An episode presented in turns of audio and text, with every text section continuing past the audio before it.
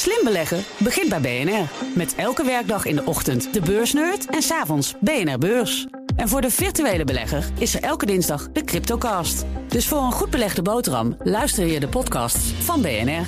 Blijf scherp. Economie. Het woord is aan het economenpanel. Vandaag vanaf een afstandje vanwege de richtlijnen van het RIVM. Heb ik contact met Jaap Koelewijn uh, van het adviesbureau Financieel Denkwerk. Ook hoogleraar Finance aan de Nijrode Business Universiteit. En Harold Benink, hoogleraar Bankwezen en Financiering aan de Tilburg University. Welkom heren. Goedemiddag. Ja, goedemiddag. Mijn zakenpartner is Jacqueline Smit, oprichter van Rockport Inc. Eerder directeur bij TMG. Ze zat ook in de directie bij Microsoft. En ik wil beginnen met een misschien uh, redelijk persoonlijke vraag. Maar dit zijn interessante tijden, kan ik me voorstellen, als econoom, als wetenschapper. Of zijn jullie toch, Jaap, met name bezorgd over wat er op ons af gaat komen? Nou, wat ik ook wel in mijn LinkedIn-post heb gecommuniceerd is dat ik ja, hoe dan ook in een risicogroep val. Ik heb, uh, ik heb diabetes, dat betekent dat ik uh, extra voorzichtig moet zijn. Maar ik raak dus niet in paniek, dat, daar schiet niemand wat mee op. Ik doe mijn uh, dingen zo veilig mogelijk en zo verantwoord mogelijk. Maar u zult mij niet aantreffen hangend aan een bier, biertap... Zoenend met drie dames tegelijk. Nee, dat, dat, dat kan ook niet meer, Jaap. Tenzij jouw huis er anders uitziet dan ik nu verwacht. Dat weet je helemaal niet. Maar ik gedraag me heel keurig. En uh, Harald, hoe, hoe, kijk jij hiernaar? Uh, interessant of bezorgd? Of met een mix van uh, nou ja, nieuwsgierigheid ook naar wat er op ons af gaat komen? Ja, alles wel, maar vooral het woord bizar. Het zijn natuurlijk bizarre tijden. Gewoon wat je ziet nu ook de aankondiging hè, dat de luchtvaartmaatschappij zoals Air France KLM bijna alle vluchten de komende twee maanden gaat cancelen. Dat de hele horeca in Nederland plat ligt. Ongekende tijden en eigenlijk ongelooflijk uh, economische schade die hiermee gepaard gaat. Dus echt bizarre tijden. Ja, en, en uh, misschien ook ongekend, bizarre tijden. Tegelijkertijd heeft Lagarde volgens mij vorige week al gezegd... ja, uh, misschien moeten we een parallel trekken naar de crisis van 2008. Is die vergelijking op zijn plaats? Of Harald, zeg je nee, dit zijn echt onvergelijkbare grootheden nu? Nou ja, kijk, de crisis van 2008 die begon natuurlijk in het bankwezen. Omdat Amerikaanse banken van die riskante subprime-hypotheken hadden verkocht. En die vervolgens in pakketjes hadden ge, gebundeld en op internationale markten uh, verkocht hadden. En die risico's waren onderschat. Nu hebben we, hebben we natuurlijk een crisis die niet in het financiële systeem begonnen is. Hè. Het begint natuurlijk met een virus. Um, maar door de economische schade en, en, en, en, en, en vertrouwen en dergelijke. Uh, en de markten, de financiële markten die onderuit gaan kan dat natuurlijk wel, als je niet oppast, een financiële crisis. Uh, achtige situatie geven. Dat betekent dus dat die overheden gewoon nationaal, maar ook Europees, uh, sterk zullen moeten acteren. Ja, en zit het met name in de overheden en niet zozeer in de centrale banken, die we de afgelopen dagen tot zelfs gisteravond aan het woord hebben gehad, in het geval van de Fed? Nou, de centrale banken, dat noem ik dan ook de overheden, maar okay. zeg maar via het monetair beleid, hè, via de ECB en de FED, maar natuurlijk ook via de ministers van Financiën, via het budgettaire, het fiscale beleid. Um, de eurogroep komt nu, dacht ik, vandaag ook weer bij elkaar. Ja. Maar er zal ook veel meer moeten worden gesproken over een fiscale stimulans um, op Europees niveau. Um, ook richting een probleemland zoals Italië. Ja, Jaap, een fiscale stimulans op Europees niveau, zie je dat dan bijvoorbeeld vandaag uh, gebeuren? Ik denk dat fiscale stimulans zoals we nu doen, hè. Uh, ik ga even het McKinsey-trio in de regering af. Je hebt uh, Wopke Hoekstra, die conform het draaiboek uh, de KLM te hulp schiet. Dat moet hij ook wel doen, hè, want hij, hij kan niet anders. Dan hebben we Erik. Die ook... Even, ook al kan hij niet anders, ja? mag ik daar toch nog wel dan uh, vragen over stellen of niet? Of moet je gewoon ja, accepteren, KLM is too important to fail? Want er zijn mensen ook afgelopen weekend die daar toch vragen over hebben gesteld. Waarom moet je beginnen ik... met aanwijzen dat je sowieso KLM wil redden?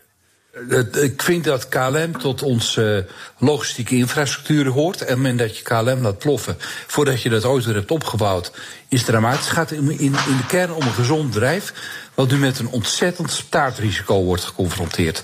Dan moet je als overheid helpen, even zo goed als we in 2008 ABN AMRO, ING en Fortis hebben geholpen. Ik denk dat dat een, uh, een no-brainer is. Mm. Je kunt er als je lid bent van de SP alles van vinden, maar ik heb daar een net iets andere opvatting over. En dat was het eerste, dus hij volgt ja. het draaiboek? Ja, hij volgt het draaiboek. Dan komt... Uh, Wopke Hoekstra, of herstel, uh, Erik Wiebes. En die heeft een blunder gemaakt. Die heeft het draaiboek niet gekregen. Wat zeg je? Die heeft het hele draaiboek niet gekregen. Nou, die heeft wel een draaiboek gekregen, maar die zegt uh, uh, ongelooflijk domme dingen. Want de groepen die het nu het hardst worden geraakt, dat zijn de microbedrijfjes, de ZZP'ers, de winkeliers. Daarvoor zegt hij, dit is je ondernemersrisico. Mind you, een, een totale schok in de economie die noodzakelijk is, hè, want ik denk dat we wel iets moeten doen om dat virus tegen te houden. En dan zegt de ZZP'ers, jongen, jullie redden het maar. Je red je er maar mee.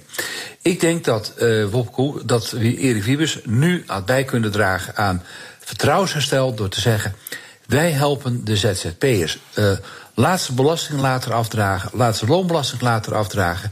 Geef ze toegang tot noodfaciliteiten bij, uh, bij de banken. Waardoor ze in ieder geval in de lucht kunnen blijven. Want als ik over drie maanden mijn BTW niet kan afdragen, dan krijg ik te maken met een incassoprocedure bij de Belastingdienst die niet overleeft. Dus dit gaat uh, voor onze economie buitengewoon ernstige gevolgen. Oké, okay, over nummer twee ben je dus iets minder te spreken. Tot slot, wie was nummer drie in het trio? Ja, ik zit even heel daar te denken wie nummer drie nog weer was. Oh. Er zit er nog een McKinsey-man in het kabinet. Uh, nou, laat die even wat het is. Maar ik vind dus dat hele duale, hè, van enerzijds uh, minister van Financiën die wel goede dingen zegt, maar hoog over op macroniveau en zich laat leiden door belangenbehartiging. En Erik Wiebes die juist op dat microniveau iets kan doen als overheid, die moet beter ingrijpen en de hulp daar brengen waar die nu nodig is. En je ziet dat grote belangenbehartigers, de horeca, Koninklijke Horeca Nederland, die staat uh, om vijf over zes op Binnenhof te roepen: wij hebben vijf miljard nodig. Daar staan niet tienduizenden ZZP'ers die nee. uh, hun eigen bedrijf hebben. En die krijgen hem ook. Toch nog even, Harold, want uh, de, de, onze eigen premier heeft vorige week gezegd... de Nederlandse economie kan wel tegen een stootje... en we moeten ook zeker niet in paniek raken... door de reële economie te verwarren met de onrust op de financiële markten. Wopke Hoekstra kwam er overheen met 90 miljard. Hij heeft nu een paar keer gezegd... het smalle belang van de schatkist is, uh, is echt niet te vergelijken... met het grotere belang van de economie. Zijn dat de woorden die je moet uitspreken? Ja, kijk, ik ben het wel met Jaap eens dat, uh, dat natuurlijk die woorden van Erik Wiebes gisteren niet zo handig waren. Hè, want dit is natuurlijk, ja, dit is natuurlijk een extreem ondernemingsrisico. Omdat, hè, wat dit is niet een, een normaal ondernemingsrisico. Tegelijkertijd zien we wel in het kabinetsbeleid dat er natuurlijk over een aantal dingen wordt gesproken. Er wordt gesproken over, uh, over, over deeltijd-WW. Er wordt ook gesproken over om ZZP'ers, als ze bijvoorbeeld naar een bank gaan om additioneel uh, krediet uh, te krijgen, dat daar een borgstelling en garantie vanuit de Nederlandse overheid op zit. Nou, dat moet allemaal um, uh, snel worden geïmplementeerd. Maar wat het bijvoorbeeld niet doet, of je nou praat over de horeca of de kleine ZZP'ers, is natuurlijk dat er een. Je kunt wel liquiditeitssteun geven, dat je helpt dat bedrijven of bedrijfjes uh, additioneel krediet bij de bank kunnen uh, krijgen, omdat de overheid dat garandeert. Maar het grote probleem is natuurlijk dat er een massieve economische schade is van gemiste winst. En, uh, want je kijkt, want als je een krediet opneemt bij de bank, als je bijvoorbeeld een horecaonderneming bent, ja, dat krediet moet wel worden terugbetaald. Maar op het moment dat de schade zo groot is dat je dat niet kunt, um, dan heb je natuurlijk een groot probleem. Dus in die claim van Horeca Nederland, maar ook van andere partijen, hè, dat is natuurlijk ook het verhaal als de KLM staatssteun nodig zou hebben, is natuurlijk gewoon dat er heel erg gemiste winsten zijn. En dat dat natuurlijk enorme gaten in balansen van bedrijven, of ze nou klein of groot zijn, zullen slaan. En dan gaan de kosten, als Nederlandse overheid daarin voor gaat uh, aan meebetalen, dan gaat de rekening natuurlijk fors oplopen. Ja, ik heb ook begrepen dat de MKB Nederland en Kamer van Koophandel wel een aantal dingen aan het doen zijn. In ieder geval alle regelgeving en steun in kaart te brengen, zodat daar een informatie platform voor is. Maar een van de dingen die ik daar ook zie staan, is dat als je dus een aanmerking wil komen als ZZP'er of MKB'er, dat je moet aan kunnen geven dat je na, na dit evenement nog succesvol bent. En dat je uh, dat bedrijf dus na deze periode gewoon weer omzet kan genereren, zodat je dat weer af kan betalen. Maar ik vraag me dan heel erg af, hoe schat je dat in? Ja, dat is het grote punt. Ik denk dat dat, dat. Kijk, dit zijn natuurlijk ook regelingen die natuurlijk ook gemaakt zijn, ontworpen zijn. Uh, voorafgaande aan een crisis die we nu hebben, die uh, denk ik niemand zich had kunnen voorstellen.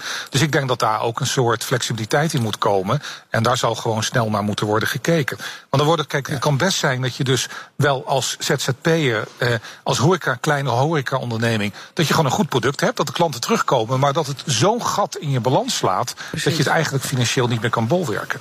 Mag ik een voorbeeld geven? Mijn sportschool, uh, uh, Enrico en Matsi Bus, die hebben gewoon hun tent dicht moeten gooien. Hebben ze net verbouwd, er staan apparaten, er lopen leasetermijnen. Uh, die mensen sturen vanmorgen een oproep uit van uh, blijf alsjeblieft lid. Nou, logisch, want ik laat mezelf graag martelen.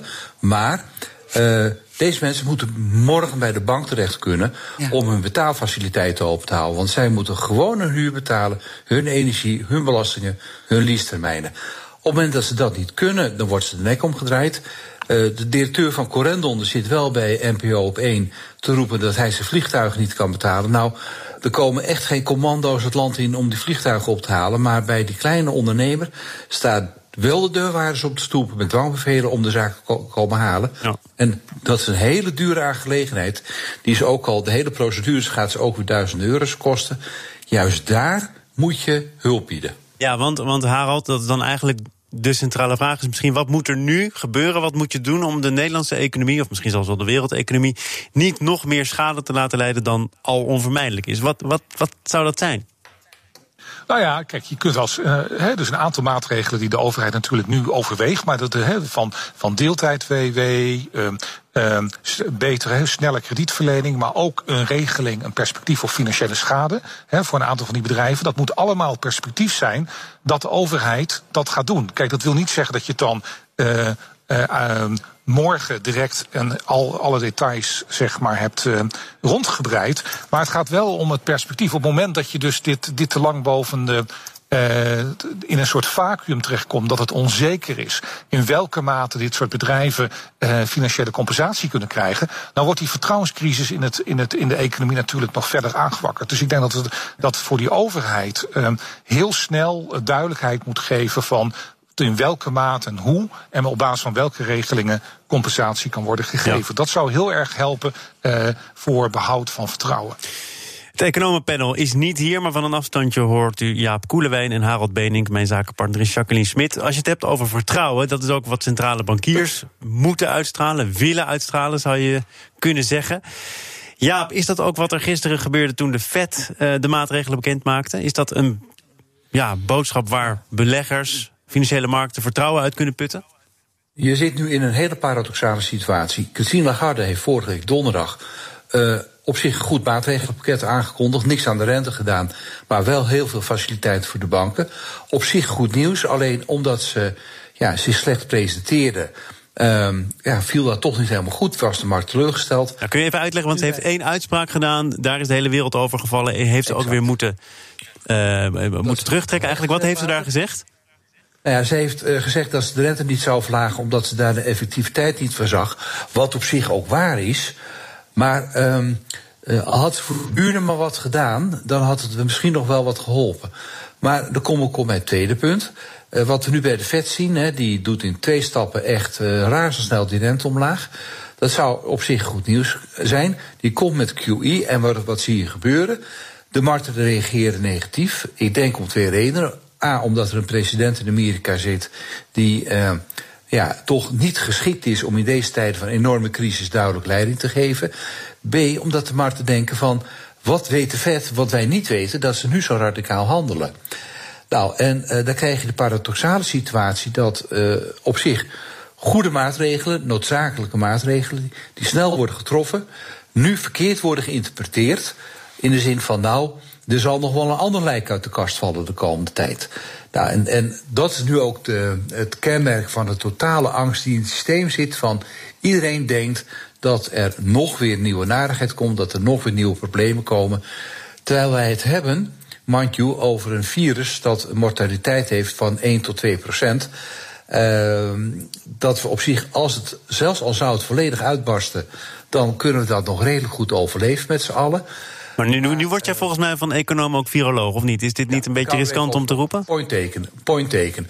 Maar uh, een staartrisico als dit moet je in ieder geval met een uh, uh, één stem aanpakken. Nou, en wat er nu boven komt drijven is, denk ik, dat er coördinatie tussen de drie grote blokken ontbreekt. Hè. Trump die vliegverboden in aankondigt, maar UK vrijstelt, wat hij ook weer terug moet draaien. Binnen Europa geen eenheid waar het gaat om de manier waarop het aangepakt wordt. Hè. Nederland die een horecaverbod instelt omdat we anders te veel toerisme krijgen vanuit België. Dit had op Europees niveau beter gecoördineerd moeten worden. En dat is denk ik een, een gemiste kans. Harald, het is ook duidelijk jouw onderwerp, hè? centrale banken, banken in het algemeen. het is wat betreft Lagarde inderdaad meer gegaan over haar toelichting dan over haar besluit. Nu krijg je de vet er op zondagavond overheen, terwijl die eigenlijk woensdag of donderdag met hun gebruikelijke maatregelen en besluiten naar buiten zouden komen. Is het uh, inderdaad heel logisch dat mensen nu denken: ja, op zondagavond dan in één keer zulke drastische dingen besluiten? Dit, dit moet iets vreselijks inhouden. Ja, nou kijk, het gaat natuurlijk om de signaling, hè, de signaalwaarde. Kijk, als je op zondagavond de rente met 1 procentpunt naar beneden brengt, wat de, wat de Amerikaanse centrale bank dan gisteravond deed, dan is het dus ook een soort signaal van: is er gewoon paniek? Hè? Uh, zoals Jaap ook zegt, zijn er nog hè, andere lijken in de kast? Uh, wat is hier aan de hand? Um, bij de ECB is natuurlijk gewoon, kijk, de, het was niet zozeer het probleem dat de ECB niet de rente ver, uh, wilde verlagen. maar waren de, spreads, toelichting van Lagarde. Dat ze zei dat dus de risicopremie die aan het oplopen is op Italiaanse staatsschuld ten opzichte van de Duitse staatsschuld. Um, uh, dat, dat de ECB daar niet voor is om die risicopremie zeg maar, be, te, in te perken. En dat was natuurlijk de, de, de verdienste van Mario Draghi, die met zijn beroemde uitspraak whatever it takes, toen die rente ook zo opliep in de zomer van 2012, dat hij dat heeft zeg maar uh, naar beneden heeft gebracht. Dus het werd geïnterpreteerd van is nou het commitment van de Europese Centrale Bank om zeg maar Italië overeind te houden en binnen de euro te houden, is dat commitment er wel en in welke mate? Nou, en daar reageerden die markten heel sterk op. En dat heeft ook te maken met de algemene zorgen over Italië. Wat al langer aan de hand is. Kijk, het land heeft natuurlijk gewoon de afgelopen twintig jaar nauwelijks economische groei gehad. Economische hervormingen zijn niet van de grond gekomen. Het land zat al eind vorig jaar alweer in een recessie. Dus niet door het, uh, door het coronavirus, al daarvoor. En wat we zien, we zien ook een hele slechte politieke dynamiek tussen de noordkant van de eurozone, denk aan de Hanseliga, onder leiding van onze minister van Financiën Wopke Hoekstra, en de zuidelijke landen, waaronder uh, Italië. En er is eigenlijk. Ja, dan gaat het over heel veel dingen die toch al speelden, hè? Ik bedoel, ja, die ja, transferunie uh, moet Noord-Zuid ondersteunen ja, en zo. ja. Ja ja. Um, ik, uh, Italië zal moeten hervormen, maar er zal misschien ook een, een, actieplan moeten komen om dat meer dan in een groter perspectief, een Europese investeringsagenda te plaatsen, om zeg maar die slechte politieke interactie tussen Noord en Zuid uh, te doorbreken. Nou, dat hele verhaal, dat gold al. Maar nu dat Italië natuurlijk zo hard wordt geraakt door deze crisis met het coronavirus, wordt het eigenlijk alleen maar urgenter. En dat leidt tot dat die rente in Italië uh, zeg maar oploopt. En dus we moeten kijken naar de maatregelen Nederland. Maar we zullen ook zien de komende tijd dat we aandacht moeten besteden aan om een potentiële crisis in het eurosysteem af te wenden. Ja, dat maar, want je ziet het nu al gebeuren. Met Italië te maken. Want, want, want Italië ja. heeft als, als eerste land volgens mij gezegd: we moeten onze begrotingsregels misschien toch wat soepeler gaan hanteren. Bovendien ja. maken ze ook aanspraak op een op een deel van het fonds dat uh, volgens mij ja. vorige week die 25 miljard die bekend werd gemaakt. Ja. Ja. Dan zijn er dus ook landen die zeggen: ja, kijk eens, uh, je hebt de afgelopen jaren niks gedaan en uh, nu sta je in dezelfde positie weer met lege handen ons het, te vragen ons te redden. Ja. Kijk, en het is prima ja, dat, toch, moet dat, uh, toch moet dat gebeuren. Ik, ik, wil eerst even het antwoord van ja. Harold en dan ja, Jaap graag. Ja. Um, kijk, uiteindelijk is het zo, je kunt natuurlijk wat de Europese Commissie toestaat dat Italië nu een hoger, een hoger begrotingstekort heeft dan, uh, dan, dan eerst gepland. Prima. Maar dat betekent natuurlijk dat die staatsschuld nog verder oploopt. En, en, en dat je dus zeg maar die houdbaarheid van die staatsschuld en dat die economie in beweging moet komen, daar moet een plan voor komen. En, en ik ben zelf voorzitter van een Europese groep van hoogleraren. Wij pleiten er al een paar jaar voor. Een soort grand deal. Uh, een, een plan voor de komende vijf jaar. Economische hervormingen koppelen aan investeringen vanuit Europa als Italië bepaalde stappen zet. De huidige benadering, de negatieve politieke dynamiek tussen Noord en Zuid, Hanseliga en Italië, is buitengewoon ongewenst, maar ook heel erg riskant voor de stabiliteit van de eurozone. Dan nu naar Jaap. Ja, nou, ik kan weinig anders doen dan me bij Harold aansluiten. Uh, Koen Teunlijks heeft al een paar weken geleden in het Financieel Dagblad geschreven dat uh, de coronavirus, het gaat de solidariteit tussen Noord- en Zuid-Europa aantasten. Want uh, ja, Italië komt gewoon met de rekening. Dat, dat is iets waar we op kunnen wachten. Andere kant hebben Nederland en Duitsland nog zeker voldoende budgettaire ruimte wat te doen. En ik hoor uit uh, Berlijn heel weinig in dat opzicht dat Duitsers uh, nu overgaan tot het uitgeven van extra geld, extra maatregelen inzetten. En uh, Italië is ook niet zo handig door nu al te roepen van we willen geld hebben. Maar goed, de nood is er ook zeer hoog. Hier wordt dus een al heel lang sluimerend probleem, namelijk de spanning tussen Noord en Zuid. Dat wordt extra onder druk gezet en het zou buitengewoon vervelend uitkomen als dat nu ging escaleren. Dus Europa moet nu echt zeker ontzettend stinkende best doen om die spanning tussen Noorden en Zuiden beheersbaar te houden. Uh, je zou verwachten dat Merkel hierin een, een eerste beweging maakt. Nou, Merkel heeft overigens in eigen land volgens mij ook de begrotingsregels al losgelaten, toch? Ja, dat zou nog met een duidelijk signaal komen. En het zou ontzettend helpen in deze situatie dat uh, we zitten nu op lokaal niveau op alle mogelijke manieren uh, proberen dingen te bedenken. Het zou heel zinvol zijn en heel effectief zijn als op Europees niveau de regeringsleiders een signaal gaven van de tweede keer whatever it takes, maar niet monetair. Je zou het budgetair moeten doen. Uh, en dan zeggen wij gaan gezamenlijk deze zaken aanpakken. Italië, je hebt het niet verdiend, maar we gaan je toch helpen. En want er zal toch een vorm van een bail-out van Italië moeten komen. Dat weten we eigenlijk allemaal al jaren dat dat eraan zit te komen. Een land dat 130, miljard, 130% schuld van het BBP heeft. En bovendien ook een zeer sterke interne verdeeldheid kent. We moeten echt ja. nu als Europa met één stem spreken. Harald, ik wil afsluiten met een misschien wat, wat eh, bredere vraag, hoewel er weinig tijd meer voor is. Maar eh, onder andere Rutte kreeg de afgelopen dagen ook wel het verwijt van critici dat hij te lang eh, maar bleef volhouden aan het laten draaien van de economie. De BV Nederland en niet de volksgezondheid ja. op één heeft gezet. Er waren ook mensen die zeggen, en dat is overigens in deze uitzending weer gebeurd, een ingestorte economie, dat is pas slecht voor de volksgezondheid. Waarom zit er in al die cruciale overleggen niet iemand die met name dat punt maakt? Is dat ook een terecht punt? Ja, nou, het is dus natuurlijk steeds de afruil tussen uh, volksgezondheid en economische schade. Maar het wordt natuurlijk wel steeds duidelijker. Als je dit virus uit de hand gaat lopen, wordt de economische schade nog veel groter. Dus we moeten nu veel meer die, op korte termijn die schade nemen. Uh, om op middellange termijn uh, economische schade aan de economie uh, te voorkomen. Um, ik vind trouwens dat Nederland helemaal niet zo laat is. Hè, want Frankrijk heeft ook afgelopen weekend pas besloten om de horeca te sluiten. Volgens mij zijn in Duitsland nog niet eens alle scholen dicht. Dus in een aantal Bundesländer, deelstaten, is dat nog niet het geval. Dus Nederland zit er ergens middenin. Het is niet zo dat Nederland helemaal achteraan loopt met het implementeren van maatregelen. En dat sluit voor scholen is ook niet echt effectief, maar die tezijde. Jaap Koelewijn um, van het adviesbureau Financieel Denkwerk, hoogleraar Finance aan de Nijrode Business Universiteit. Ga lekker naar je sportschool op het moment dat die weer open is. En Harald Benink, hoogleraar bankwezen en financiering aan de Universiteit van Tilburg, de Tilburg University. Dank voor jullie bijdrage aan het economenpanel. Ik hoop jullie snel weer in levende lijf hier te mogen begroeten. Dat gold vandaag al voor mijn zakenpartner Jacqueline Smit. Fijn dat jij er was. Ja, graag gedaan. Uh, blijf overeind hè, ja. de komende weken, ook bedrijfsmatig. Dan zien we elkaar een volgende keer. Morgen dan is er, denk ik, weer een BNR Zaken doen. Wat er sowieso is, dat is na de nieuwsupdate een aflevering van onze dagelijkse podcast Nieuwsroom. Gemaakt door het FD en BNR, gepresenteerd door Mark Beekhuis. Veel plezier en waarschijnlijk tot morgen.